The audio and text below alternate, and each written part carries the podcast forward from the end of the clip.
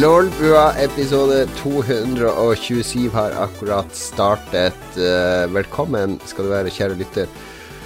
Jeg heter Jon Cato Lorentzen og har som vanlig med meg min makker, min partner in crime and bed, Lars Rikard Olsen.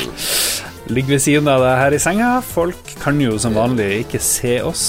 Ligger godt inntil armkroken. Vi har delt eh, seng eh, på hytta, har vi delt seng i hvert fall. Ja, ja, ja da. Det har vi. Det var veldig koselig. Du er, du en av de som snorker minst på hytta, tror jeg. Så det, Ja, jeg liker veldig godt å ligge i lag med deg. Sånn er det. Åssen er snorkenivået i Baldvinson-hjemmet? Vi har med oss vår gode redaksjonsmedlem Ståle denne gangen. Jeg, jeg kan, jeg kan eh, bekrefte at snorkenivået er uh, sjukt høyt. Det er helt ekstremt. Altså, det, Er det du, er det du som Ja. står for det? Ja, det, det, det, er så, ja, det er altså så grossalt eh, at jeg har en eh, svigerinne og en svoger som nesten ikke fikk sove på en hyttetur, og jeg har en kone som en gang måtte ta det opp fordi det hørtes ut som jeg ikke fikk puste. Så jeg har tatt en vurdering på sånn der eh, sånn søvn, søvnapné Men det har jeg ikke. Mm. Men jeg, jeg drar noe sjukt tømmer. Så jeg, jeg er ikke mann å ligge ved siden av hvis du eh, sover lett. Men er det Jeg hadde jo akkurat samme problemet. Det var sånn at jeg, jeg slutta å puste når jeg snorka. Så fjerna jeg jo mandlene, og det var jo, og det var jo en revolusjon for meg, da. Ja. Jeg tror problemet er mitt er at hvis du fjerner mandlene, så er det fortsatt eh, mye fettvev der. det der. og det, jeg vet Lars syns at jeg tø- tøyser mye med det, men eh, det var egentlig det legen sa til meg. Hvis du slutter å snorke, så er du- du er for feit, sånn.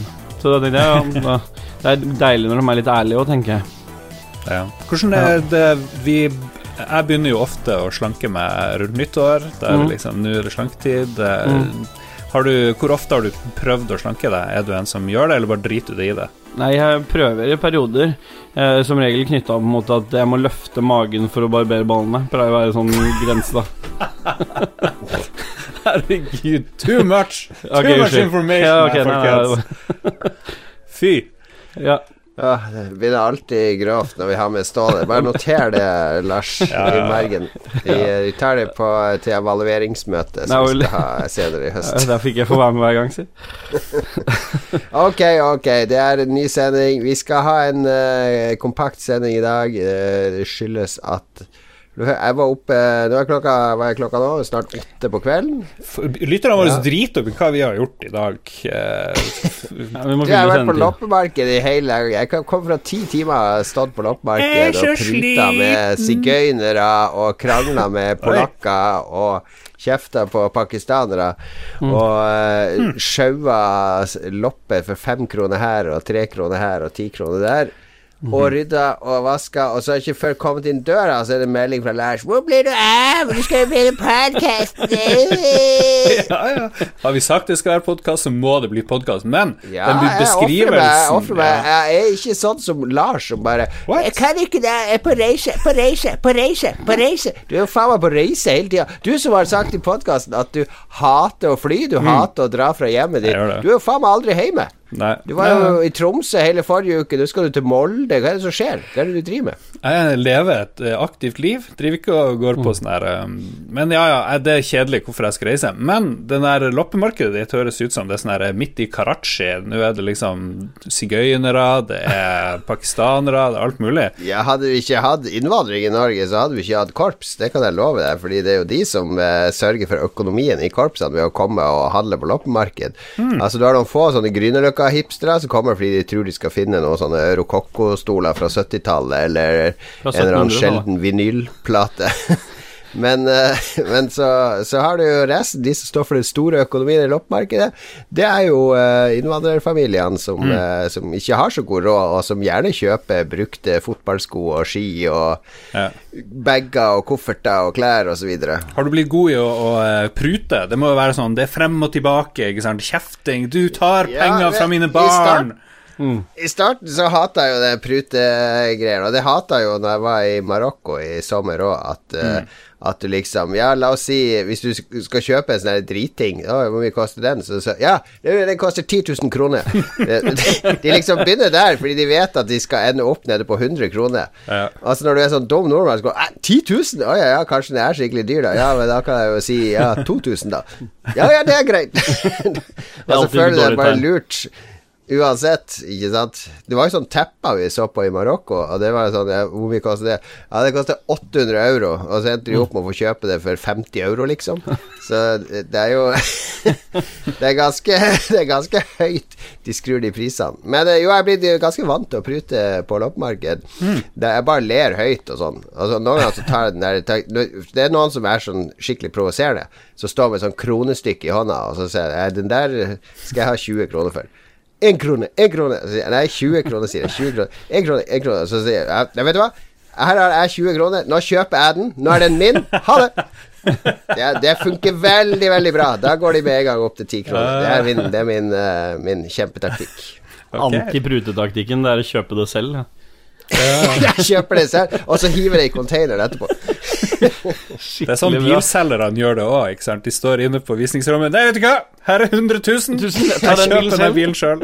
Jo, men det er noe med forstående hvem vi er. Fordi, Ja. For det første er det noen som tror at det her er jobben vår. Herregud, vi er stakkars foreldre som er blitt sendt ut 20 timer en helg for å prøve å tjene penger til et loppemarked som ungene går på. Så ikke Det er ikke Vi er ikke ute Vi tjener jo ingenting på det her. Vi er ikke ute etter å loppe noen. Men jeg Så, tror du sa det litt i stad. Jeg tror det er sånn litt kulturelt òg. Jeg tror det ligger så naturlig i det å, det å Ja da, og det Så- er bare gøy, den prutinga, egentlig. Det er morsomt å, å, å holde på prisen og nekte å prute og sånne Ja. ting. Fordi er, de syns jo det er et spill, så det er jo sånn det er. Så fikk Man du deg et varp. Som vanlig fikk du et Ja. varp. Du, du kjøpte selvfølgelig det beste du fant. Eh, Det har du lagt ut video av. En Mario-klokke som jeg fant i mint condition, det var jeg veldig Oh. fornøyd med. Fikk jeg kjøpt for 30 kroner. Veldig fin. det var, det var årets loppemarkedkupp. Der må folk eh, eh, for gå til Lolbo Entourage, så kan dere se video av eh, Jon Ja. Eh, loppemarkedkupp. Når jeg så den lampa, så tenkte jeg at den ville hatt sånn nattbordslampe, bare for å irritere kona. Så du slår på Ja. den um, på morgenen og sånn. Nei, jeg skal ha mørkt. Nei, jeg skal ha lyst, mørkt. Lyst. Åh, For de som ikke skjønner det her, det er, sånn, det er den spørsmålstegnsblokka da til Mario. Altså Når du slår opp på den, så slår du på lyset. Og så skal du også ha på lyd, så det blir sånn ding-ding, ding-ding hver gang du slår av på lyset. Jeg hadde en sånn app en gang jeg, på mobilen som var eh, Som du bare aktiverte, og så putta du mobilen i lomma igjen. Så hver gang du hoppa, så fikk du den hoppelyden til Mario. Så det var Veldig ubrukelig app, men veldig gøy i 30 sekunder. Så kunne du hoppe rundt i stua, så hørtes det ut som det var Mario. Ja, jo. Eh, er det noe dere har skjedd? Er det noe som har skjedd? Har det vært ambulansens dag? Er det noe som har hørt rykter om? Ja, det har vært det, men jeg har ikke vært på jobb. Jeg har uh, hatt fri, og så har jeg vært i um... Er det noe som ikke har sin egen dag? Eh, Nei, vi hadde vel lagt ambulansens dag til Alzheimers dag òg, så jeg vet ikke om det var bevisst eller ubevisst, men det er i hvert fall en kombinasjon som er verdt å nevne. Eh, journalistene har ikke sin dag. Dataspillutviklerne har heller ikke sin dag, så det er mange som mangler Journalistene har sin dag hver dag. De sitter jo bare på ræva hver dag.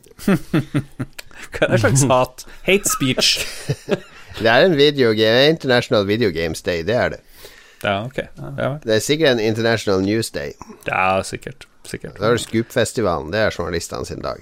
Mm, er noe som det virkelig veldig, fortjener veldig kjedelig? Veldig kjedelig. Veldig kjedelig. ja, nettopp. Si noe interessant, tenke- Lars. Kom ja. igjen, da. Har det skjedd noe i livet ditt? Du var i Tromsø forrige uke. Møtte du noen lyttere?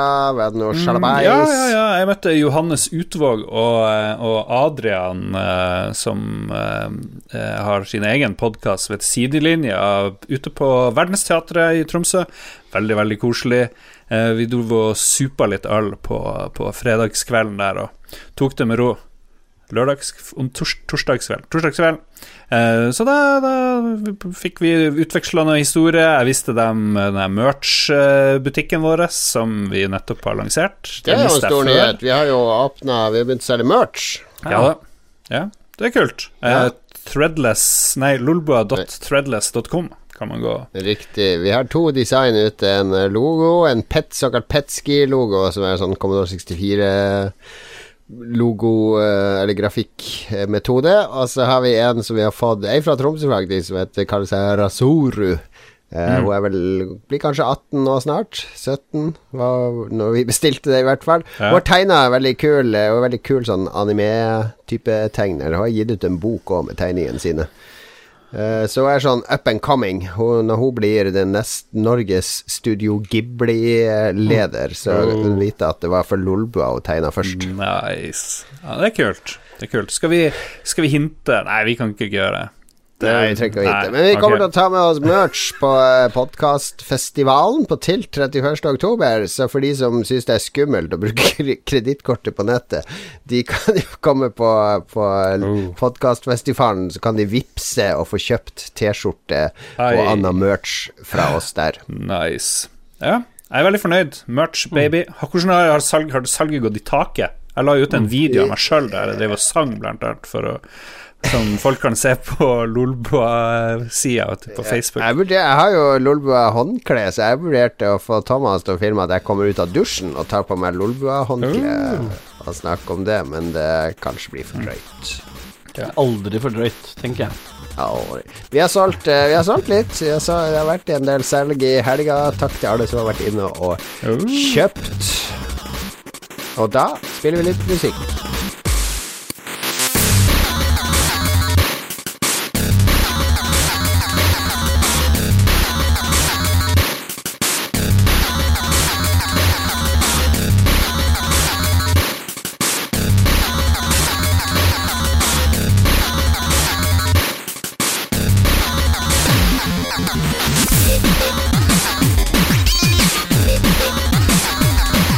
Det er eh, nyhetsspalte. Det skjer stadig ting og tang i spillverden. Ting og tang som er så viktig at vi må kalle det nyheter. Jeg, jeg, jeg føler at nyheter som ord har mista verdien mye etter at man begynte å dekke popkultur og sånne ting.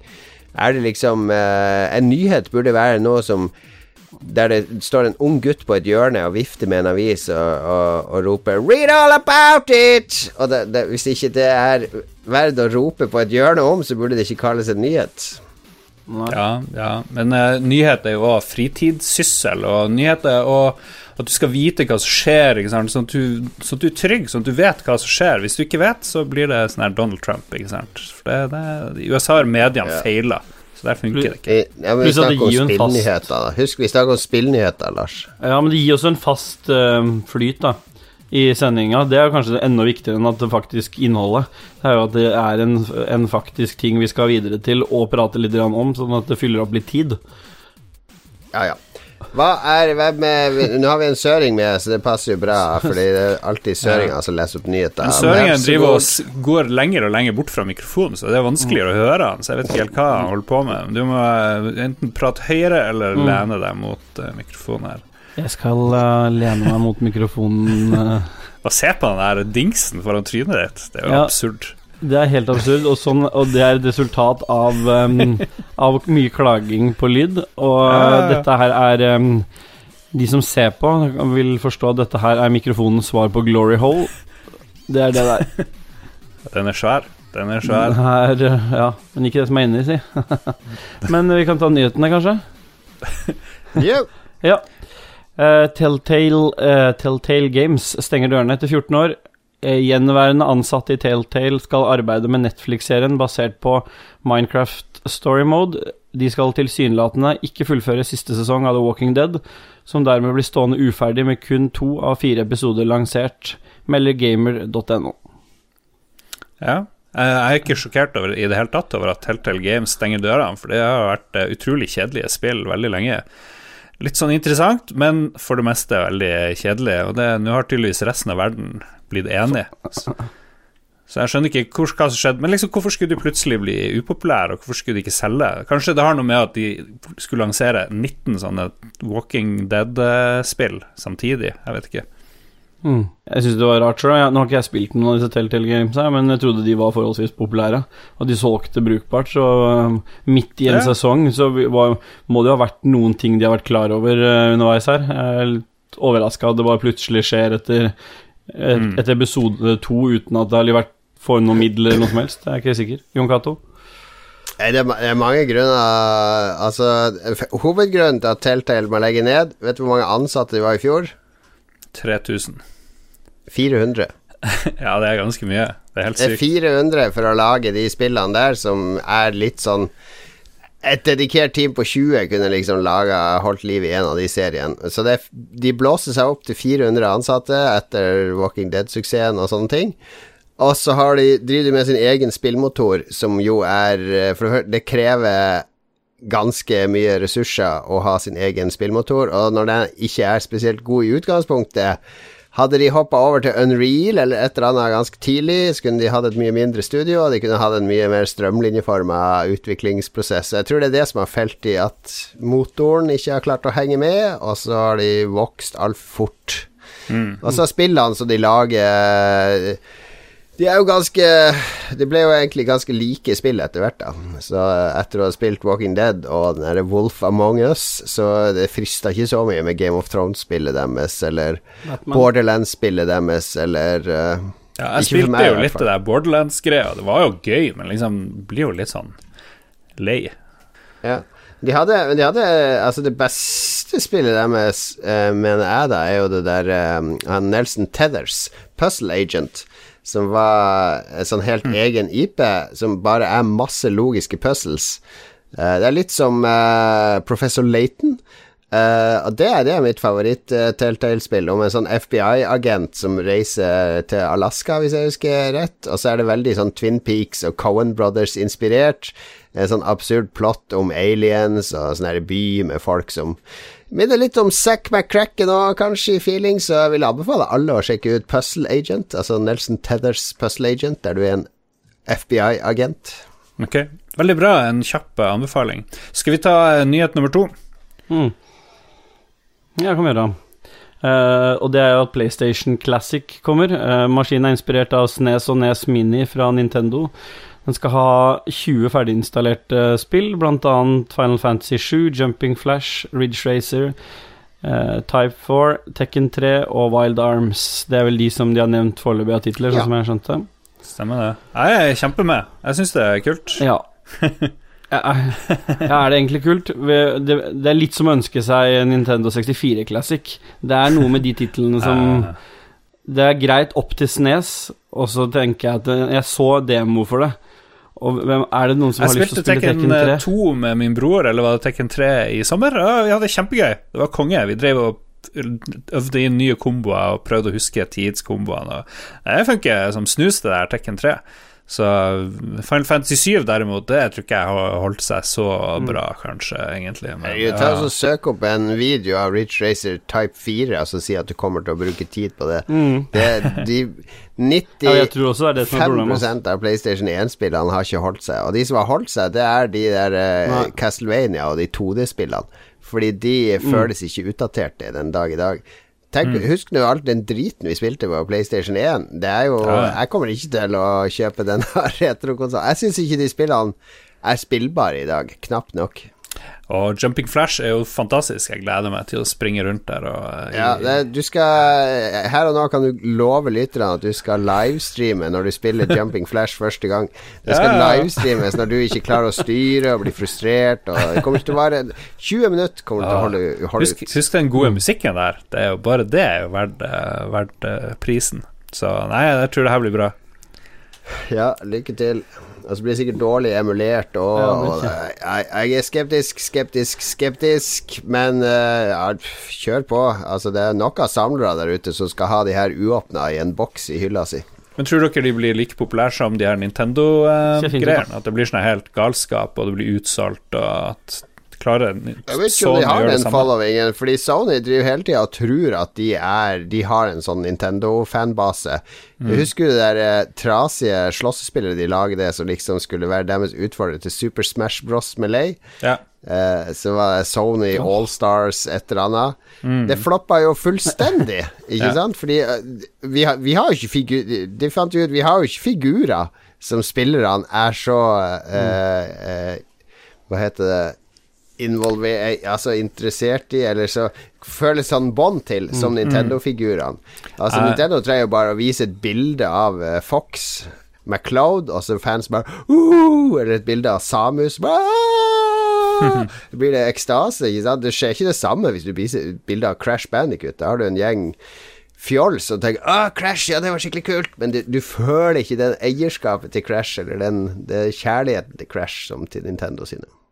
Jeg tror, jeg tror noen føler samme kjærligheten til Crash, men de har bare Crash og kanskje tre karakterer til, hvis de er heldige, som er litt sånn i samme stil. Jeg sier på stående fot nå fem Sony-karakterer. Mm. Eh, vi har han der Sackboy, han er jo viktig. Han ble jo Ja, han er en- en stor maskot, men ingen som liker Sackboy, da. Ja. Nei, nei, det er ingen som blir å Det er veldig lite Sackboy-cosplay. Ja, for det å var si én, sånn.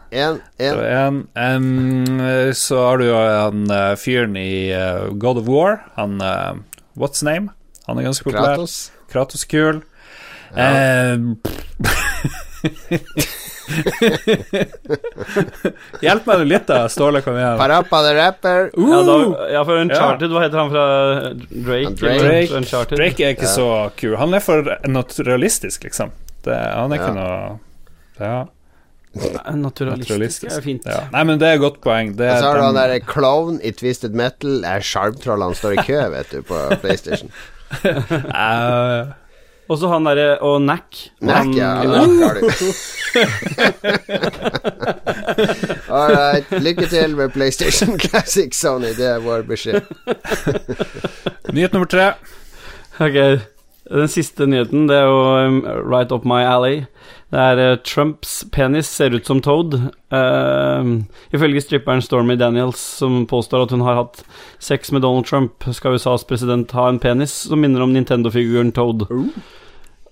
Jeg har fått noen Jeg får automatisk sånn når noen sier sånne ting som det der, så får jeg automatisk sånne bilder. Og det er ikke noe pent, det bildet Ja, her. Trumps penis ser ut som en, En, en uh, eh, sopp. Det vil si at det har sånn enormt hode, Ja. kanskje litt kort. Ja, vet du hva jeg tenker da? Da tenker jeg at hun automatisk sier at han er omskjært. Ja, er det det hun sier? For å få det derre Ja, hvis ikke så får du ikke det Toad-hodet. Ja, ja. Så jeg tenker det er det første vi vet om det. en enorm forhud han må ha, da, hvis han ikke er omskjært, og at den skal rundt et sånn svært Toad-hode. Ja. Og litt sånn klumppenis. Hmm. Ja. Ja, men tenk at hun der Stormy Daniels har gidda å ha sex med Donald Trump. Med Toad? ja, Ja, med Toad-Trump ja. Det er litt disgusting, er det ikke det? ja. Hva da? hvis du tenker på, hvis du tenker på Toad når du holder på. Da er det en, blir det på en måte enda mer disgusting. En ting er å mm. invitere Hvorfor, Trump hvorfor er det disgusting at hun har hatt sex med Trump? Han har vel hatt sex med masse damer, tror du ikke? Ja, men det er disgusting for meg, i hvert fall, å tenke på det. det Tenker du på Donald Trump som far din? For det er liksom sånn man tenker om foreldrene sine. Det er disgusting å tenke på at de har sex. Så hvorfor tenker du sånn om Donald Trump? Er det, er det fint klart å se en sexvideo med Donald Trump uten What? å synes det er disgusting?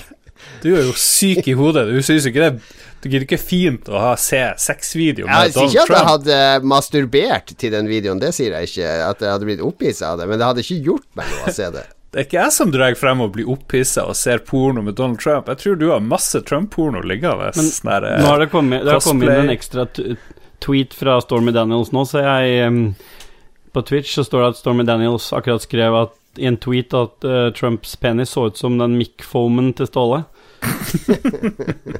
Ok, okay. Men karer, hvilken spillfigur ligner deres penis på?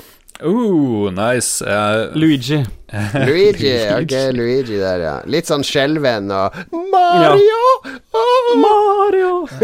veldig redd. Når muligheten byr seg, så er han veldig Du må Han altså, bare roper om hjelp. Assistanse, assistanse. Og Veldig lite selvdreven. Uh, ser ut som en av de her rasene i uh, sitt romskip i Star Control, fant jeg ut i dag.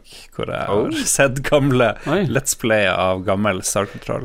Du skulle se det også på gamle bilder av penisen det ble veldig vanskelig for alle som ikke har noe forhold til Star Control å se for seg, Ja. men vi får tro at det er eh, en sånn Toad-aktig rase, da. Min penis ser jo selvfølgelig ut som en av kolossene i Shadow of the Colossus.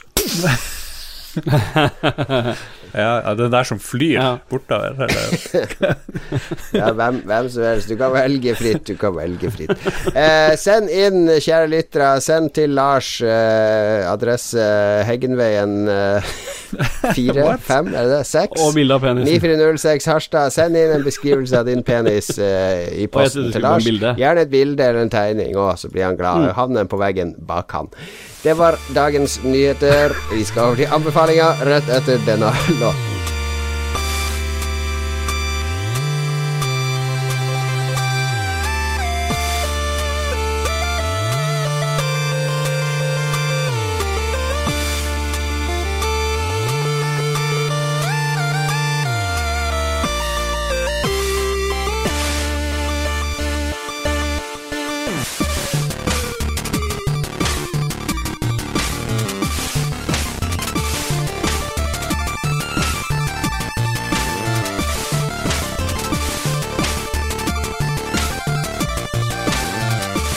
Jeg fucket opp.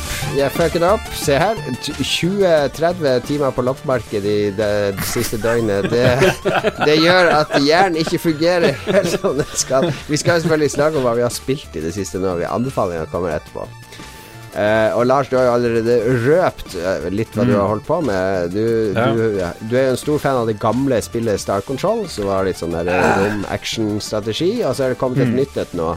Ja, jeg, jeg, trodde jeg var fan av det gamle Star Control, og så søkte jeg på YouTube etter Amiga Longplay Star Control, og jeg fant ut at det eneste jeg har spilt, er den der toplayer-varianten hvor du kun har action. Ja. Du kjører Fordi det er to fraksjoner. En sånn litt sånn slemme aliens, en sånn der Earth Alliance-greie. Så kan du velge skip fra de der to, og så kan du bare skyte og ha det gøy arkademessig.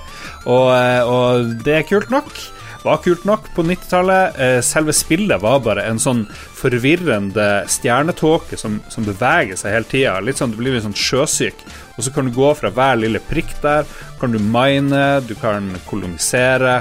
Og det eneste du ser, det er det store kartet og noen tall oppe til sida hvor det er litt sånn eh, statene til de ulike planetene du, og systemene du er i. Veldig kjedelig. Ser veldig kjedelig ut. Jeg spilte aldri det. Jeg spilte det her eh, eh, stjernekrigere. Så, men Og derfor hadde jeg egentlig ikke tenkt å kjøpe nye Star Control Origin, som kom nå denne måneden her. Men eh, Jon Cato Jon Cato eh, meg til det. Vi må spille ja, nye spill. Altså, det er lov å ta sjansen på Du som brukte 1000 spenn på Mortal Kombat. Ja. Du kan vel bruke 200 kroner på en spillserie som du opprinnelig var glad i. Og så utfordre mm. sjangerpreferansene dine litt. Ja. Det er jo sånn du utvikler deg som gamer. Ja, det er greit, så da kjøpte jeg i dag det her jævla Star Control Origins. Fikk jeg for en sånn her flott uh, Starship Troopers-aktig intro. Uh, litt uoriginalt, kanskje, hvor de forteller historien om at uh, menneskene de, Noen av menneskene blir om til en ny rase, egentlig. De kalles Lexites og drar ut i verdensrommet. De bare forsvinner. De liksom smelter sammen og blir en sånn AI neste typen menneskene drar ut. Av en eller annen grunn så gjør det at eh, menneskene danner Star Control, en sånn her eh, sikkerhetsstyrke for å finne ut hva som skjedde med de her som dro av gårde, hvorfor dro de av gårde, og for å beskytte jorda mot nye raser. Og så begynner spillet med at det kommer en ny rase på besøk til jorda, og du drar ut med ditt eh, fantastiske skip, i hvert fall i énspillervarianten, som er det eneste jeg har prøvd. Um, du er en liksom forfylla, eller det er noe rart med deg, du er kaptein.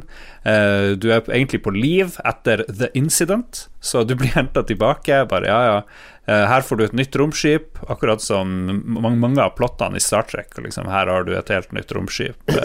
Men er, det eh, sånn Jeg skjønner ikke helt sjangeren. Er det sånn rollespill, eller er det strategi? Det høres veldig sånn narrativt eventyrspill ut ja, så langt. Det er veldig narrativt eventyrspill, og det er vel en slags historie når du treffer de her alienene, men jeg har egentlig bare fløyet til romstasjonen Ceres for å begynne treninga, og den er skikkelig trasig hittil. Det er sånn her Du har ikke vært en... gjennom tutorial ennå? jeg har ikke kommet så veldig langt. Men nå får folk eh, sjansen til å være med fra start.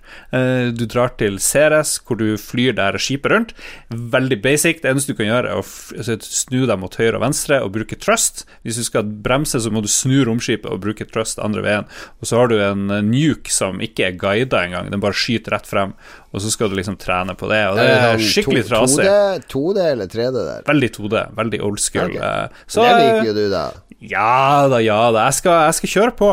Og det jeg liker best hittil, det er at når du logger på og skal inn, putte inn navnet ditt, så er det en gammel Amiga-skjerm. Eh, da har du Workbench-skjerm, faktisk, hvor du putter inn eh, ting. Bare at det er ikke Workbench 3.0, eller hva det het før i tida. Nå er det Workbench 10.0, så det er litt sånn nyere. Så jeg eh, gir det én terningkast én så langt. Eh, opp, følge opp eh, Med muligheten for å klatre? Mulighet for å klatre. Jeg skal følge opp neste uke. Terningkast to pga. Amiga-referansen i starten. Men uh, er det sånn at du egentlig sitter hele tiden og tenker på Destiny 2 når du spiller dette her, eller? jeg tror my mye ja. av problemet til Lars her er at han må spille på PC-en sin, for ja. det hater han jo. Hvis det ikke er et 40 år gammelt spill, så mm. hater han å spille på PC. Så han sitter og sukker og stønner og lengter etter å ligge på sofaen med, med skolekritt eh, fallende ut av munnvika og, og cola i glasset uh, mens han halvsov foran et konsollspill. Det er det han savner mest. Men unnskyld, liker du skolekritt? Ja, kjempegodt. Nei, fy søren, Lars. Det får vi ta en annen gang, men dette må vi snakke om. ja, greit. All right. Men uh, du, det er bra at du prøver deg, i hvert fall. Du må jo spille det litt til. Det kan hende at du Ja, ja. liker det. Og det er lov å sette seg i en komfortabel stol foran PC-en. Du trenger ikke å sitte på en sånn kjøkkenstol eller hva du har nede på kontoret ditt. Eh, ja. Jeg har jeg kjøpt Jeg fikk meg en ordentlig kontorstol hos noen, så det er en ganske bra stol, faktisk. Bra, bra, bra. Jeg kan ta Jeg har jo også spilt eh, Eller jeg, jeg har egentlig bare spilt Destiny 2, men jeg vet jo at folk er litt lei av å høre om det nå. Ja. Eh, antagelig. Så jeg tenkte jeg får spille noe annet, da, så jeg har noe å snakke om. Så jeg kjøpte Shadow of the Tomb Raider. Det nye Lara Croft-spillet. Eh, jeg syns jo det første i den rebooten var ganske bra, selv om det var litt sånn Ubisoftifisert, med alt den her craftinga og skilltrær og alt sånn greier som jeg Ja. Hater egentlig i spill. Ja. Og så må vi jo si at eh, du driver og utfordrer sjangre, for du har jo sagt at du hater enplayerspill, egentlig. Så, Jeg hater det, men jeg må jo Jeg, jeg trenger jo å dyppe inn for å se om de har utvikla seg, ikke sant. Det jeg hater, er jo den forutsigbarheten i de spillene, og Eller Ja, jeg, jeg, samme som det, jeg har ikke spilt så veldig mye. Jeg har spilt en time, liksom, så jeg tror jeg er akkurat forbi det første oppdraget. Og eh, det var ganske Eller det var akkurat det jeg forventa at det skulle være, så det er egentlig det som skuffa meg mest, fordi det var akkurat sånn som det forrige spillet. Det spilte jeg vel en fire timer før jeg ga opp. ja. Uh, du er Lara rett inn i sånn dramatikk. Jeg bryr meg ikke om noen personer. Jeg bryr meg ikke om Du er liksom midt i en handling med denne organisasjonen Trinity, som av en eller annen grunn drar rundt og sprenger alle mulige sånne arkeologiske sites i fillebiter. Eh, Og hun, eh, de drepte vel faren hennes, og hun skal jo drepe lederen for Trinity.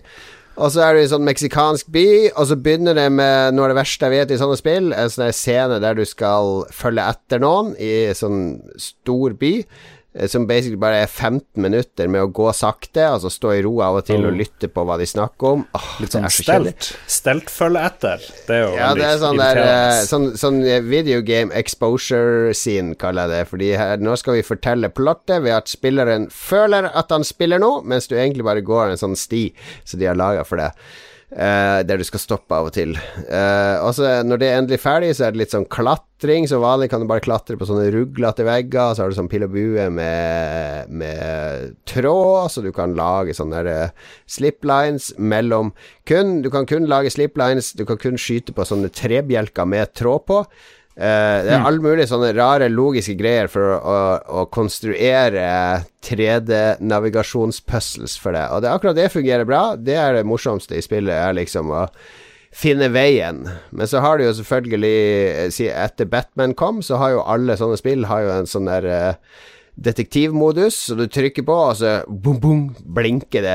Her skal du gå. Gå hit, gå hit. Her, her borte. Her er det en kiste. Her er det en ting du skal finne. Akkurat sånn som du elsker i spillet. Ja, men jeg har jo slått det av, da. Men da går du Ja. bare rundt i mørket. så det, det, det, det er bedre å slå det av, syns jeg. Men du skal jo liksom åpne kiste og krukke og alt mulig hele tida, for du skal finne en sånn tool her og en sånn tråd der, fordi da skal du crafte en eller annen ting. Uh, og alt det er bare en sånn distraksjon, men det er dritbra grafikk. Uh, Lara er jo kul. Uh, det er litt sånn spenning her og der, eh, men det blir Det er veldig sånn jeg føler det, det skal være så dramatisk at det blir sånn overdramatisk. Det er sånn eh, hvert 15. minutt så holder Lara på å drukne eller bli knust av en stein eller bli drept. At jeg føler jeg har absolutt ingen fare i det hele tatt noen gang. For mye action i et actionspill. For mye irrelevant action. Altså for mye forsøk på å skape tension, eh, rett og slett. Det kunne vært nok tension ved å, å la skape scener der jeg faktisk må berge dagen. Ikke, altså Det største tension er at jeg må svømme opp, opp, opp, og så blir det smalere og smalere. Altså detter ned en stein, og så kommer det en fisk. Altså Alt jeg gjør, er å holde spaken oppover. Altså Det er jo ikke noe tension fra min side.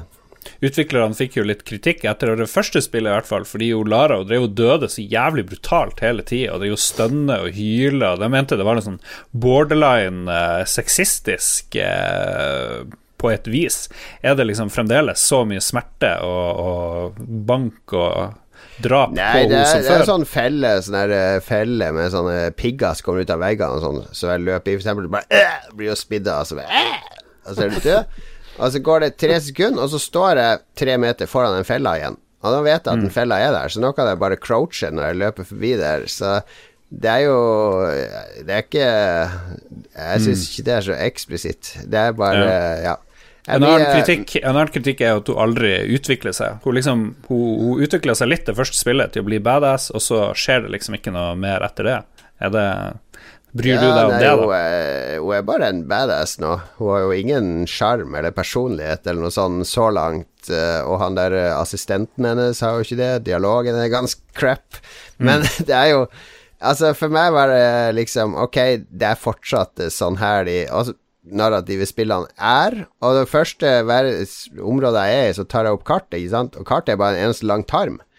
Der jeg står på i ene enden og vet at jeg skal til andre enden. Det er ikke det verste verste, Eh, og det er jo litt kjedelig òg, da. Jeg liker jo bedre at det er litt sånn åpent. Sånn som den Uncharted, uh, den der eh, sidehistorien med de to damene. Det syns jeg var veldig kult, at du hadde det store, åpne kartet med masse sånne punkter du kunne ta i hvilken rekkefølge du ville og sånn. Det kan hende det åpner seg mer etter hvert. Ja, vil jeg tro. Men så langt er det liksom greit nok for de som liker sånn spill, som Kjersti Bergesen Ja. brukte å si i Filmpolit... Nei, hva heter det? Filmmagasinet på TV2. Ja.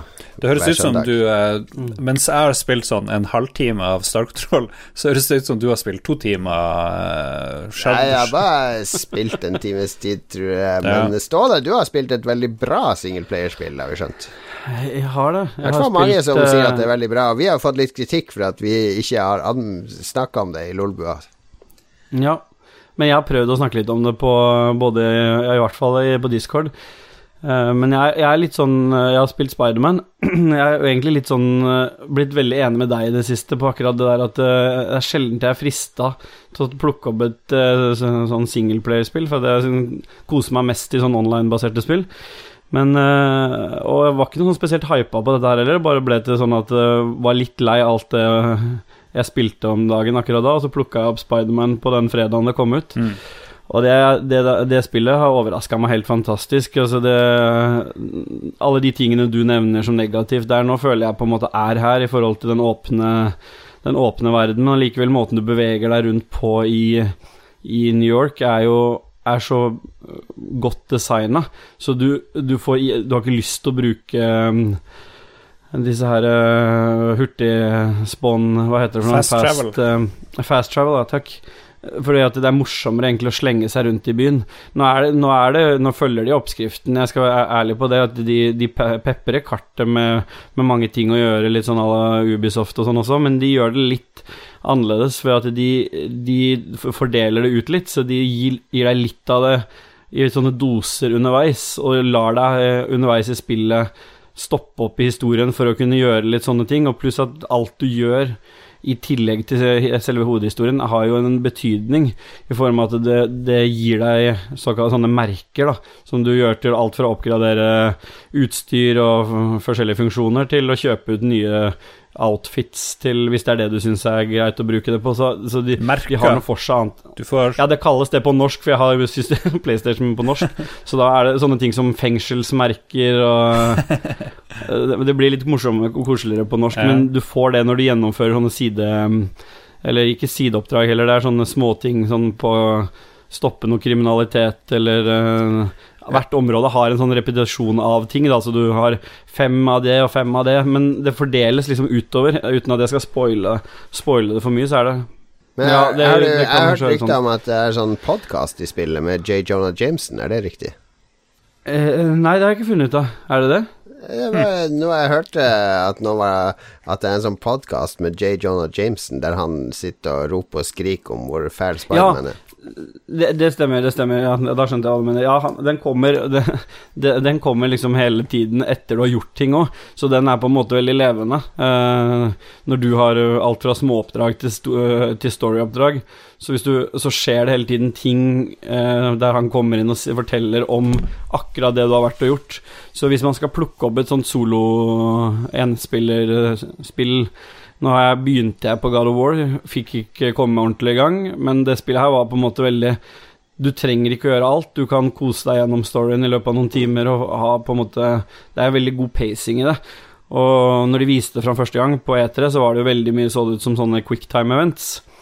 Men det har de gjort veldig classy. At de få quicktime eventsa som er, de er på en måte lagt inn på en sånn måte at det bare er det bare gir mer flyt i spillet, egentlig, enn at det er, er irriterende. For jeg var ikke så glad i de quicktime-eventsene. Spiderman sånn er, jo skapt for sånne quicktime events, for han har jo den spider-sensen. Så det er jo, det er jo, sånn, Ja. det er jo en quicktime event. Det er jo sånn Å nei, det kommer noe mot meg, jeg må dukke. Mm. Men, men, det, men, det, men akkurat det er det ikke så mye av quicktime events på. Det er sånn type um, Et eksempel kan være at du, du skal Det har vært en trafikkulykke, da. det er sånne småting du kan komme opp i.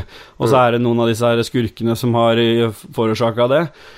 Og så må du slåss med de på helt normal måte, og så akkurat idet du skal uh, Så sitter det fast en person i denne bilen, og så får du åpna døra, og så kommer det Akkurat du skal hoppe vekk, så holder den på å sprenge, og da har du en liten sånn quicktime-event akkurat i slutten av det, der du skal Mm. liksom dra stikka ned og trykke R1, da.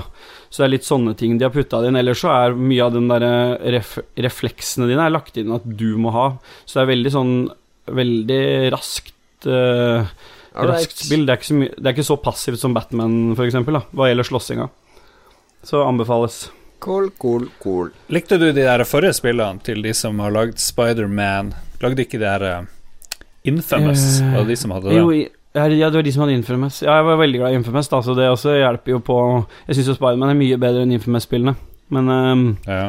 Jeg syns det var litt kjedelig, det forrige Infamous. Second Son. Ja, jeg syns også, jeg syns også det. Her har de jo gjort noe helt eh, Her har de jo tatt Spiderman og bare gjort sin greie på det, så jeg syns det er um, veldig kult. En, eh, eh, har du spilt noe særlig de Batman-spillene? For, for meg så er det helt akkurat Ja. det samme. Og jeg var ikke sånn så glad i Batman. Nei, jeg digga de Batman-spillene. Så eh, spesielt det aller første, og for så vidt det der, det siste med Mm. Det aller siste som kom av de, som ikke fikk sånn kjempegode anmeldelser. Det synes jeg var ikke Der hadde du Batmobil og alt mulig sånn, men eh, Mm. jeg syns Spiderman er bedre enn de spillene. Mye bedre. Hm.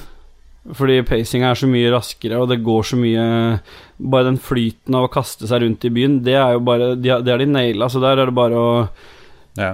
Altså Uansett hvor langt det er, så får du liksom lyst til å bare ta veien gjennom. Så de har, lagt- de har jobba veldig bra med det, altså. ja. Ok. Mm. Det, jeg vet ikke om du overbeviser verken meg eller Jon Cato til å Nei, men det, det, skjønner, det skjønner jeg godt også, på en måte. For det, du må liksom Det er det evige problemet som jeg egentlig er veldig enig i Jon Cato. Det er på en måte å ja, Hver gang jeg prøver å sette meg ned med et sånt singleplayerspill, så føler jeg på en måte at jeg kjeder meg litt fort. For jeg syns det er hyggeligere å sitte i chatten med noen og spille enten Sea of Thieves, som jeg ikke får lov til å prate så mye om, eller nå Destiny 2, som jeg har eh, må få nevne på slutten her, at jeg har eh, blitt lurt inn til å Oh. begynne med igjen. Ja, Så har du joina Lolbua-klanen. Det var jo eh, det. spesielt. Før var du i Lolbua Entourage-klan. Er det, en- Klan, er det er- der? Nei, den Ah. skjer det ikke så mye. Den er på en måte nesten nedlagt, den, fordi den, de, Ja. er, de er i Lolboa, Så jeg har ikke fronta den så mye. Okay. Så der er det tre medlemmer igjen, tror jeg. Uff da. Ja. Og ingen av de er noe sånn aktive. Nei, men join, finnes- join Lolboa-klan. Finn den Mm. og join. Ok. Yes, eh, anbefaling neste.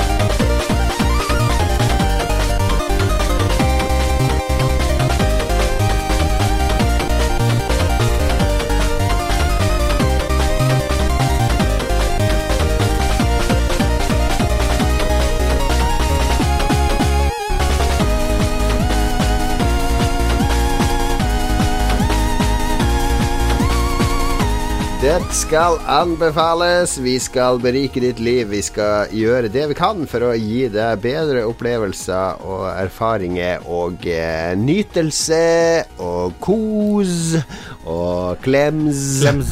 Og eh, det Du kan glemte, å, du glemte å klage over hvor sliten du var på starten av denne spalten. her. ja, men jeg er profesjonell. Jeg sitter ikke og syter og maser om sånne ting. Det er du som syter og maser om alt mulig her, Lars. Jeg pleier å holde en profesjonell linje. Ja. Vi, eh, nå skal vi anbefale ting. Og Anbefalingsspalten er jo der vi eh, tar ting som ikke er spill, eh, og anbefaler. Og det, det er en veldig populær spalte, det må jeg si, fordi de har jo hatt eh, spesielt for eksempel, jeg tror vel kanel, eh, eller den derre Giflar-greien, de vanilje Giflan, ja, som jeg anbefalte. Ja, den ble jo superpopulær. Nesehårstrimmeren har vi også sett mange har kjøpt i ettertid. Mange husker badeskum. eh, Det får vi høre ganske ofte. Badeskum ble jo en slager. Jeg vet ikke hvor mange som har prøvd tannlegen din i Harstad, men eh, Ja, brønn. Og han var flink. Ja, det, det ser du. Ja, men uh, uansett, det, vi har mye makt i denne spalten, så det her bør jo alle dere som lager produkter, tenke på at hvis dere sender ting til Heggenveien uh, 6 Harstad, så, så Jeg bor kommer ikke i Heggen ved snakke Heggenveien det. 6, Hvor det det fem, da? Elleve? Ti? det, det får de Står på gule sider. Lars Rikard Ja. Olsen. Altså kan du sende produktet Lars. Han snakker om det, enten det er strap-on eller buttplug eller godteri. Nei, det kan jeg ta. Det tar gjerne jeg, Send det hvis det er mulig. Ja. Jeg tar gjerne et sånn der eh, RTX 2080 TI-kort som du kan sende eh, hit til Lambertseter. Ok, eh, vi skal anbefale ting. Eh, Ståle, du har ikke skrevet noe i sendeskjema, så da kan du få begynne. Har du ingenting å anbefale? det, jo, jeg har noe å anbefale, men uh, grunnen til at jeg ikke har gjort det, var bare um, at jeg har vært uh, bortreist i helgen med kona i Bergen, så jeg sovna på rett før sending, så jeg våkna med full av sikkel og sånn kvarter før vi skulle inn her, så det var bare derfor jeg ikke har skrevet fylt ut. Bare sånn til info, da. Ja. Ellers så anbefaler jeg en plate, eller en, um, noe musikk denne gangen. Oi. I og med at jeg er den mentalt eldste i Lulebua, Ja. uh, så, så vil jeg anbefale ny plate fra Paul McCartney, Oi. kalt uh, Egypt Station. Ha.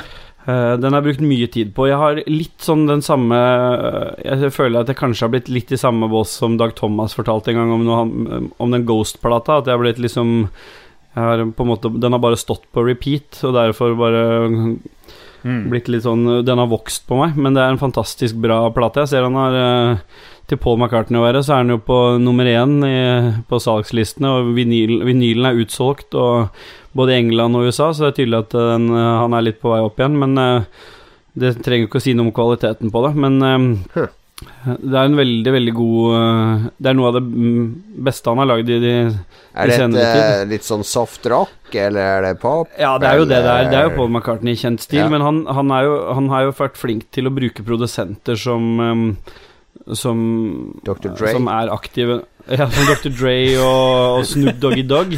Og da Og da, da blir det jo. Da blir det jo eh, Stargate og alle disse her. Så da, da blir det litt mer moderne preg på det.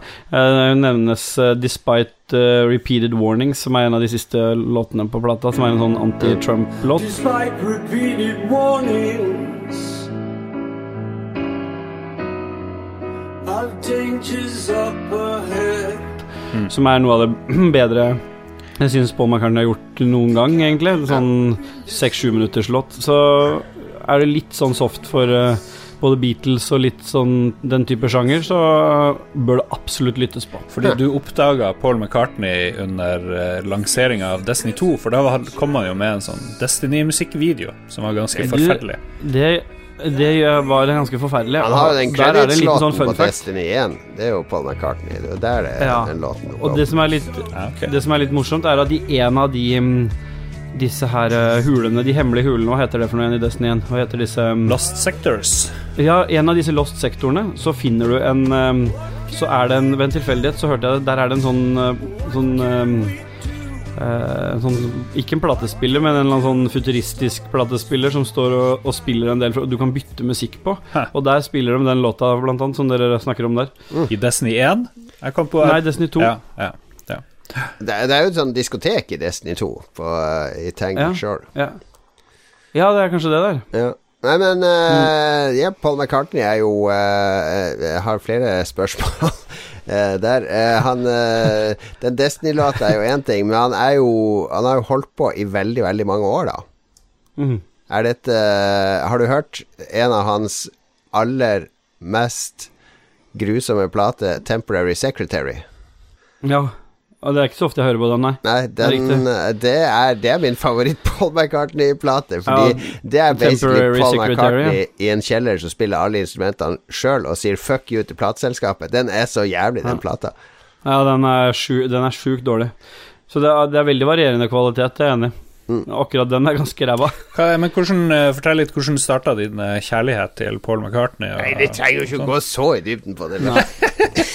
Vi kan ta et dybdeintervju, du og jeg, i en eller annen setting. Ja. Men jeg er jo eh, Jeg ble litt sånn spent. 60-tallsmann. Gammel, sånn unge mann driver og hører på sånn Du vet jo, eh, Ståle 80 liker jo bare sånn Ja. gamlismusikk. Han liker Ja, jo bare sånne eldgamle artister. I, når du sk setter deg inn i bilen min når vi skal på sånn Sverige-tur sammen, Ja. så kommer dere til å gå rett inn på vinyl, så jeg tenkte jeg skal kjøre når vi skal til Sverige.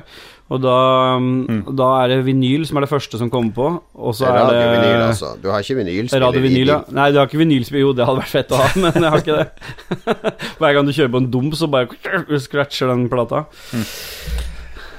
Jeg er en gammel mann i Ja. forholdsvis ung kropp. Jeg har hørt rykter Jeg tror det er sant. Eh, Mm. folk kan sikkert google seg fram til det. Men når Paul McCartney og Linda McCartney, eh, før hun døde, selvfølgelig, når de var Mm. i Japan på 90-tallet en eller annen gang, så møtte de han Koji Kondo, altså han som laga musikken i Mario. Og det, Da nynna de Mario-tema for han. Paul McCartney ville gjerne møte han, nemlig. Så mm. det jeg, jeg, jeg er ikke 100 sikker på at det er sant, men jeg har hørt det to ganger. Så eh, om det ikke er sant, så er det sånn som man En god Ja, historie. er jo sant, da. Ja. Ja. Ok, jeg skal ta Jeg ser at Lars sin anbefaling blir en, et høydepunkt, så jeg skal ta min først.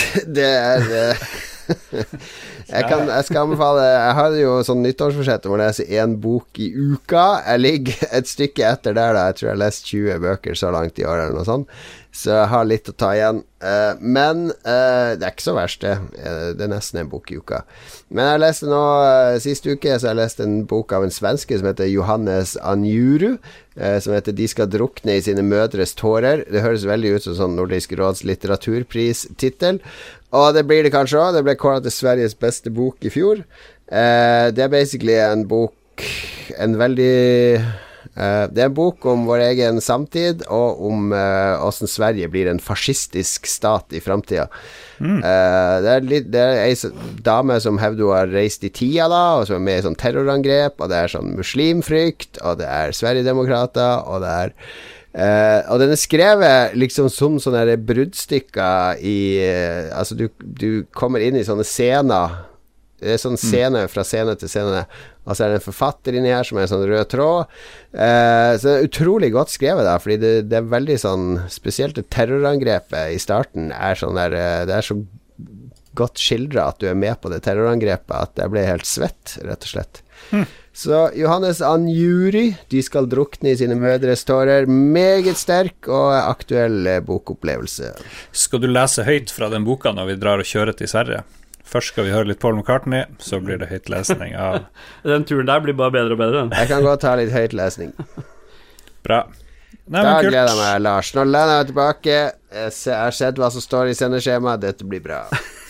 Jeg vil anbefale det jeg kaller nå en Rema spesial. Så eh, om det blir like episk det her som Cato antyder, det får vi Vi får av, uh, overlate det til lytterne når dere får prøvd det her, for jeg anbefaler alle å fære til Rema.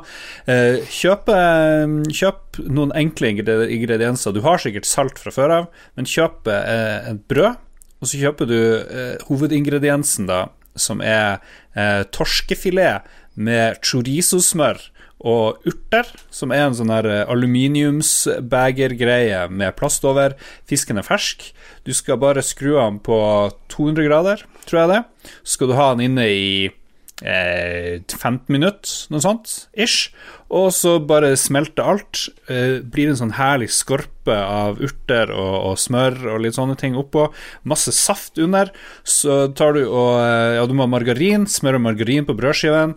Legger brødskiven på, på fatet. Så tar du og danderer eh, fisken, mm, som er soaka gjennom av, av goodness på brød, og så tar du og heller det som er i bunnen av den pakken over, så det blir en sånn Du kan ikke ete den med neven, egentlig, for det blir så soggy, det her, og så fullt av smak. Litt salt. Jeg hadde, for å ha litt sånn grønt eh, i tillegg, så, hadde, så kokte jeg noe brokkoli, men det passa ikke inn i det hele tatt, så jeg ville kanskje, kanskje hatt noe salat eller noe sånt, hvis du må. Det, men det her brødskivegreia funker sykt bra. Så bare sett du deg i sol, solen, se litt uh, UFC, The Ultimate Fighter, som jeg gjorde, tror jeg, og så bare slafser du i deg mm, supertasty fisk. Jeg er jo ikke noen sånn stor fiskemann, men av og til må man spise fisk, og det her er liksom nummer én hittil uh, for meg. Enkelt, godt, ferskt, sunt. Helt topp. Ja. Ja. Så det er en sånn ferdigtorsk fra Rema. Jeg, litt, jeg, jeg vet ikke helt om jeg ser det for meg, dette her. Men er det en av disse her produktene til Rema der de eh, som er sånn måltid for under hundrelappen-opplegg, eller er det noe sånn semi del, Du har del... Du kan ikke sette en pris på god helse. Det tror jeg du visste, Ståle, som er Ja, den prisen er jo Ja, det, som kommer med. det her er en sånn pakke på Rema med en sånn Rema 1000-logo på, der det Ja. står eh, eh, torskefilet med chorizo-smør og urter. Yes. Mm. Så, men du sa det var fersk fisk? Ja, den er jo ikke frossen, så jeg vil jo tro den er fersk. Ja, okay, Tror jeg. ja. Den har Jeg ikke vært frossen. Mener du at den ikke har vært frossen? Den har kanskje vært frossen. Hvem bryr seg? Den, den, var, det er jo ikke fersk fisk da, hvis den har vært frossen. Hva, hva er bare- definisjonen på fersk fisk, liksom? Fersk fisk er at, eh, at det ikke har vært frosset. Jeg vet ikke om den har vært frossen. Den var ikke frossen da jeg kjøpte den. En en fersk Grandis. Den er frossen. Ok, men, eh, det, men det er sånn ferd, Det du anbefaler, er basically den torskfileten med chorizo-smør og urter fra Rema. Fordi, eh, for På brødskive med smør. Jo, hvorfor skal du ha det på brødskive? Hvem faen er det som spiser fisk på brødskive? For det, det blir liksom Det blir ikke så skummelt. Jo, Så hvorfor har du ikke der- for eksempel Hvorfor koke potet? potet? Det er jo det er ikke noe mer sunt med potet enn en god brødskive, er det? Jo, potet eh, Jo, det er det andre næringsmidler i seg. Du kan ha potet til, potetmos, ris. Nei, nei, nei. Hvorfor ikke ris? Hvorfor ikke ris? Ris du, Nei, fordi du snakker om en helt egen rett som heter Rema spesial. Skal du ødelegge Ja. den med å komme med Det, det, ris? det er torskefilet på brødskive. Ja, stemmer det. Med safta Safta fra pakken som du heller over. Ja, fordi Det var det jeg sleit litt med, men det med brødskiva Det er egentlig bare noe du har Det at det er Rema spesial, er fordi du har lagt til det med de brødskivene. Ja. Hvis du, Ja, vet du, hvis, du, hvis du legger en ost oppå torskefilet, så blir det jo ostesmørbrød. Det er jo ikke ostesmørbrød. Jo, du kan jo ha fisk under ost. Du kan ha alt Ja, mulig under ost. Det blir Jo, jo. ostesmør. Jeg tror det på tro, men det har jo Den har chorizo-smør og litt sånn, her, så det, det, den har det der ekstra. Men gjerne ost. Da blir det enda bedre. Men vi har jo Det er forslaget om tacolefse òg. Hadde, hadde Magnus vært med i podkasten nå, så hadde jo han sagt hvor enkelt det hadde vært for deg å bare kjøpe en, en helt fersk torske, torsk, og så Mm. Ja, ja. Mm. bare ha chorizo-smør sjøl, og alt det der, lage det sjøl. Ikke sånn ferdiggreier fra Rema. Det blir ikke å skje. det- Alle sånne, alle sånne matfolk mener jo at de er ferdigpakka har jo så mye salt og sånn konserveringsstoffer i seg. Jeg støtter det. Jeg syns det er fælt at jeg har tatt bort salt. Jeg salter kjøttdeigene jeg kjøper, fordi jeg ikke får kjøpt kjøttdeig med salt. Ok, men, ja Vi som vil ha saltet tilbake. Vi har våre tre anbefalinger. Det er altså Paul McCartney, Egypt Station. Sett på den. Så leser du noen sider i Johannes Anjuru. De skal drukne i sine mødres tårer. Og så når du blir sulten, Ja. så lager du torskefilet på brødskive. Tar du og lager deg noen brødskiver og noe torsk. Ja, ja, ja. Kjempe, kjempegreier. Kjør på. Nord-Norge represent. Vi hører på litt.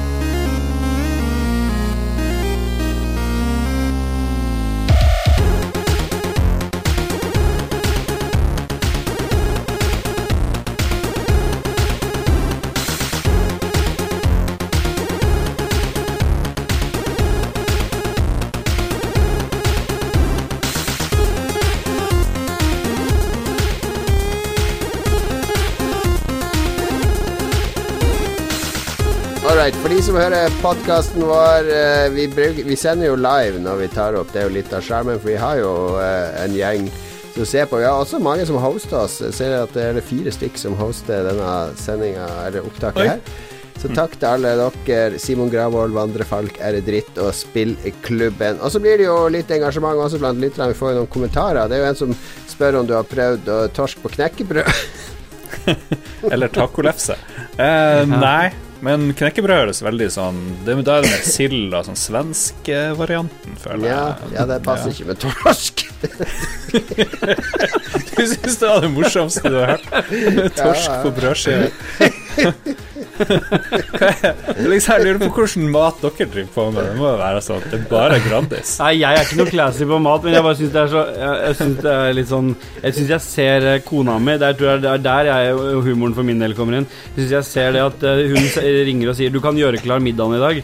Og så tar jeg en sånn torskepose som du snakker om her nå, og så legger jeg fire brødskiver rundt omkring på tallerkener til unger og alt mulig. Du skulle sett et ansiktsuttrykket hennes, for det, hun forbinder ikke brødskive som en del av middagen. Var- Jeg tror det var Prøv det. det, Ståle. Altså, Sett opp skjult jeg kamera og filme, for det her vil eh, Ja. gjøre Ja, men det skal jeg gjøre. Det skal jeg faktisk love å gjøre. Alright. Vi skal ha lytterspalten det siste. Vi hadde litt sånn åpen sending i dag der de kunne spørre om hva som helst, men så kom du med litt sånn ledende spørsmål om politimenn og politikvinner. Lars. Ja, jeg gjør det. Jeg, det. jeg er jo bestandig redd for at ingen skal gidde å gjøre noe, og et triks i sånn her SoMe-verden, det er å legge til noe ekstra. Ja, det var en knagg. En, sånn, en liten Ja. knagg så de kan henge i jakka på. Ja, og det funka som faen, så fordi jeg, jeg sa jeg vil bli spurt om hva er våres Eller hva er våres Hva er de beste og de verste politifolkene på film? Og da er det mange som har tatt det litt sånn videre eh, her og der. Så Ja. eksempel Frode Oppsal har tenkt mye på det her. Eh, Et forslag på spørsmålet han kom med, var hvilken filmsnut vil du ha på jobb i lokalsamfunnet ditt, og hvem hadde du rømt byen for? Oi. Og ehm, ja hvem, hvem skulle gått rundt og vært eh, sånn famous filmkopp i Harstad? Eh, jeg vet ikke, det har vært litt gøy å se han eh, Han ville jo fått lite å gjøre, da, han Colombo, men eh, han er jo en favoritt for alle oss her, i hvert fall du, Jon Cato. Men tenk at Colombo går rundt og jobber med Det er veldig få mord der. Jeg hadde elska hvis Colombo eh, var her. Ja. Ja, men hva han skulle gjort, for det er jo veldig få mord, ikke sant, og det er jo det han gjør egentlig. Tror du, tror du Colombo gidder liksom finne sykler som er stjålet og sånt? Gidder han? Nei, det er jo først, eh, først og fremst eh, mord han driver med, er det ikke det? Jo, jo, men det er jo ikke noe mord i Harstad, for eksempel, så Ja, men det ordner vi. Ja, ok. Ja, det er sant, det. Nei, men eh, det er jo bare Jeg har jo ikke noe med politi å gjøre uansett, så det, så det blir et litt vanskelig spørsmål å, å forholde seg til. Men jeg ville jo gjerne hatt Colombo kjørende rundt i sånn gammelt vrak her i Oslo og løst Kanskje hadde oppklaringsstatistikken gått opp i Oslo, men så er jeg veldig glad for at vi ikke skal ha Hvis jeg skal ta det i samme slengen Jeg vil jo gjerne slippe å ha en kriminalbetjent Hermansen i Oslo. Eh, Det er jo han fra Olsenbanen, vet du. Han derre 'Stopp! I lovens navn!' Som, lø og som alltid fomler det til. Han er jeg veldig glad for vi eh, ikke eksisterer på ordentlig. ja. Mm, kunne hatt militærpolitiet, de fra A-Team, han der fyren som prøver hele tida å stoppe A-Team. Kjører rundt med sånne eh, tre militærbiler rundt hele dagen og leter etter noen karer som har stukket av fra Åsegarden, eller. En av disse her fra politiskolen, en av disse klumsete der kunne vi hatt. Han der er der som knekker armen, og som må gå med sånn her gips hele tida, og så snur seg Hele rundt. tida da. Eller han, der, han som har litt sånn Tourettes, hva heter han? for noe? Han eh, har. Bobcat. Ja. Han stemmer jeg for. Ja. Ja. Han, men du, står der jo den av oss som sikkert har noe med politiet å gjøre av og til. For det hender vel at ambulanser kalles ut til, eh, til steder der politiet står. Hvem er det du drømmer om å møte da? Eh, det er et godt spørsmål. Uh, Du vil ikke jeg- møte Det er da du drømmer om å møte han Bobcat. Ja, nå er her borte! Knivstikk! ja, det, men det hadde vært fantastisk morsomt og faktisk eh, Jeg tror jeg skal si det, det svaret der, jeg, faktisk. Ja. Men uh, det føles jo sånn Det er et par jeg har møtt som har mint meg om han, faktisk. Så. Men det hadde vært jævla irriterende hvis du møtte han, han svarte som bare driver og lager lyder. Så når du går bort Lyder, og ja. liker, så- liker så sånn Det er umulig å gjøre noe fornuftig arbeid for at han står og lager lydeffekter. Du skal åpne kofferten med utstyr og sånn. Så står han og lager lydeffekter på alt du gjør. Det Man blir ganske lei av han hvis han hadde hatt fast jobb i politiet. Bare, Eller blir lei av han og kjenne han hvis han driver med sånne Ja, hvis det er sånn hele tida. Ja, hele tida så driver han med det. Du da, Tommy, Vi- Tommy, Virk, Tommy Virkola har en veldig bra politimann, politisjef i Kill Buljo, som er Ja. sånn her eh, rasist og kvinnehater og alt mulig. han er, han er Ja, veldig han bra. og så har han med seg en litt sånn tilbakestående Hans ja, Sid. ja, ja, ja, ja. Jo, men det jeg tror jeg går for han der. eh, Han, eh, Hva heter heter han for det noe? da? Um, ja, nei, jeg husker Ikke ikke. så viktig. Torbjørn Praus han lurer på hvilket radarpar innen filmserier, altså bruker dødelig våpen som eksempel, syns vi er mest awesome. Mm. Tango and Cash, for eksempel, er jo sånn klassisk. Uh, ja. Nei, det er, det er jo få som slår han Mel Gibson og Donald Glover der. Don Glover i, i Mm. Dødelig våpen, det må jeg si. Men det er jo litt kjedelig. Du liker ikke Tom Hanks og den er hund? Turner and Hooch. Jo, ja, Ja, Turner and Hooch. jo, jeg liker det. Uh, ja, har vi, har vi sagt Derek og Harry Klein? Har vi Ja, Derek og Harry Klein, de velger jeg.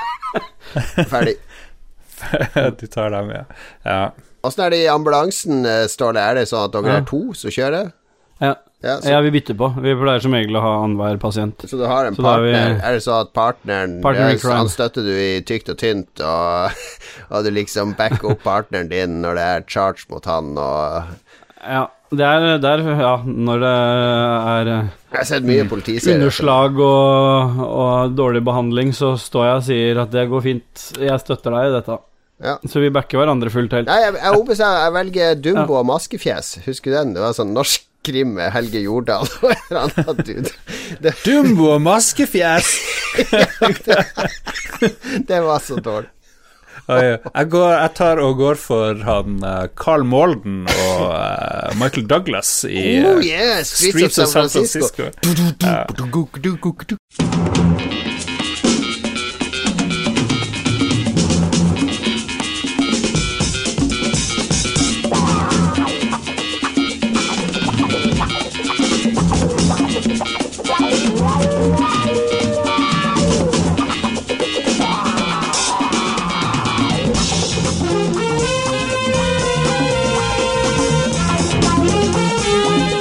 Verdens beste musikk til bra eh, politiserie. Ja, ja.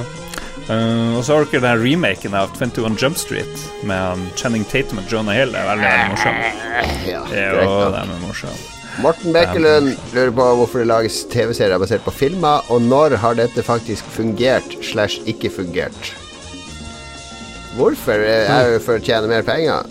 Eh, Eller utvide universet i narrative medier? Ja, han nevner Fargo, da. Det har jo for så vidt fungert. TV-serie basert på film. Eh, De to første sesongene liker jeg veldig godt. Den tredje var forferdelig. Ja, ja, var ikke så bra. Var ikke så bra. Nei, men du har jo Jeg vet ikke om Det fungerer av og til, og fungerer ikke eh, alltid. Star Wars Rebels fungerte jo helt fint. Clone Wars osv. Så, videre, så Håkon Puntervold, eh, hvilken politimann, kvinne i film er den beste dårligste? Ok, det har vi egentlig snakka om. Det er han, eh, han eh, som lager lyder i politiskolen av menn. Ja. Og så dame. Hvem er det da? Det er, hvilke damepoliti har vi lagt merke til? Mm, hun Melissa McCarthy bruker å spille noen bra politi. Hun hadde en sånn buddycop-film med hun, eh, Sandra Bullock. Den, ja. den likte jeg. Der hun var hun ganske dårlig politi. Hun der med den pipestemmen i politiskolen, hun er den dårligste. Ja. Excuse me. Morsomt. Ja. Det blir mye politiskolen, da. Denise Berkovic, hvorfor får voksne menn eh, dilla på Nintendo-produserte plastfigurer? Spør for en venn. Jeg, jeg har aldri brydd meg om det er plastfigurer men dere har sikkert eh, noe sånt. Ja, det er jo masse Amiibo. Det var jo bare eh, all, Alt som voksne menn får dilla på, handler om å ha noe å ha kontroll på, eh, tror jeg, da. Altså Enten du samler på vinyl, eller Amiibos, eller en bokserie, eller en tegneserieserie, eller et eller annet. Det handler om å skape et liten del av universet som du har kontroll på. Og så blir vi menn aldri voksne heller, da. Nei, Så jeg tenker liksom at det er, det er mye av det der eh, barnslige, spesielt tror jeg det er for oss som, som kanskje var veldig eh, lekte mye med type actionfigurer, eller som har hatt mye fantasi opp gjennom i barndommen, eller lek med sånne type ting, at det, det, det treffer noe der, uten at man sitter og leker med de har sånn, jeg har ikke eh, noen sjøl, men Sånn voksne kunne jo samle i gamle dager. òg. Det var liksom legitimt å samle på frimerker hvis du var voksen, f.eks.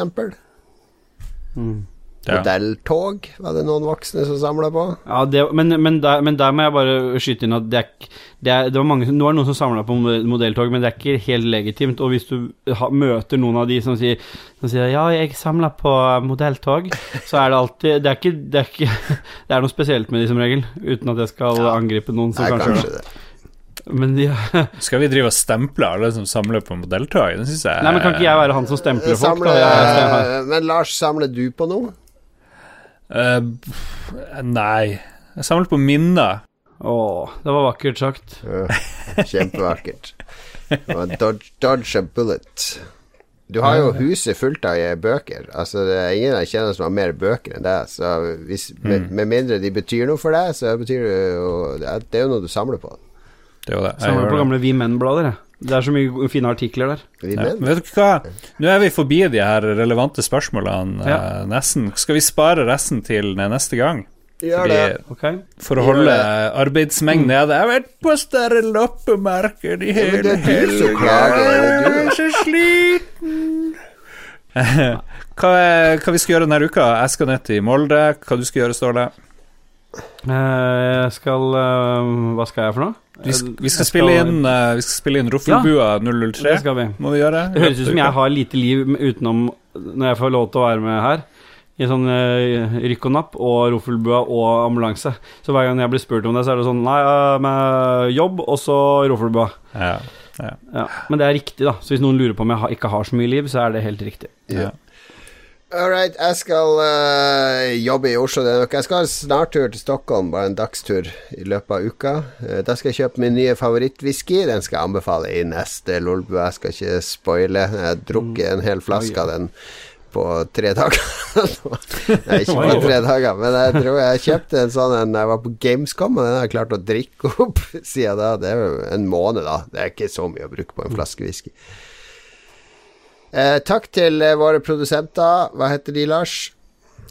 TTMXMP og Kobrakar84.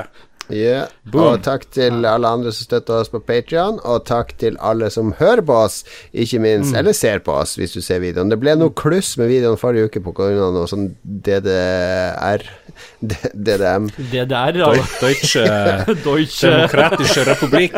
Deutsche Demokratiske Republikk eh, reagerte på Lars sin negative omtale av eh, presidenten i Øst-Tyskland. Så den videoen ble noe kluss med. Men denne videoen tror vi skal havne på YouTube, så vi krysser fingrene for det. Og da gjenstår det bare å takke for oss. Uh, følg oss i alle kanaler, gi oss fem stjerner i alle kanaler, tomler opp osv. osv. Og, og kom nå for guds skyld på Tilt 31. oktober, så får du møte hele gjengen i, sammen med en masse andre litt dårligere podkaster. Ja. Sjekk uh, vår Patrion-side. Patrion.com slash lolbua. Også den nye klesbutikken uh, vår. Uh, threadless Nei, Lolbua.threadless.com. lolbua.threadless. Hvor mange ganger skal du rote til Ja, ja. det navnet? Slutt ikke å være så sint. Jeg er ikke sint! Ha det! Auf Wiedersehen!